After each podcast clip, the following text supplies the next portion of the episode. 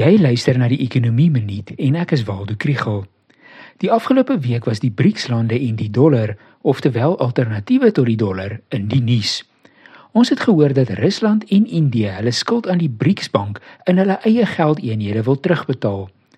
Indië en China het ook aan die Suid-Afrikaanse regering gevra oor die moontlikheid om betalingsinfrastruktuur aan te pas om handelstransaksies in eie geldeenhede te verreken is hierdie die begin van sogenaamde de-dollarization.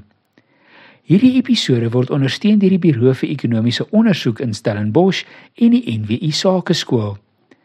Dit is maklik om te vergeet hoe groot rol die dollar in wêreldhandel en finansiële markte speel.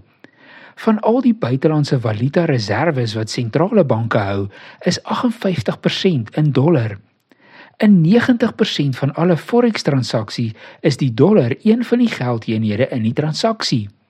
Soveel as 80% van ontleikende markte se skuld is in dollar.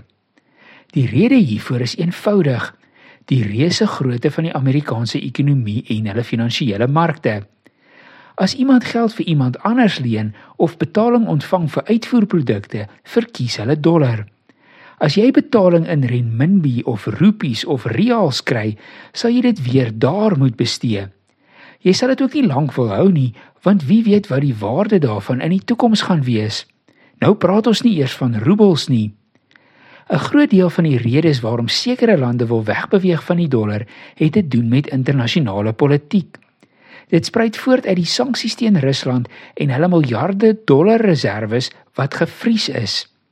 Dit gaan ook oor groot moondhede soos China en Indië wat hulle self wil laat geld. Ekonomies maak dit dalk vir Suid-Afrika sin om handel met China in eie geldeenhede te verreken, maar hulle verteenwoordig net sowat 14% van die waarde van ons in- en uitvoere.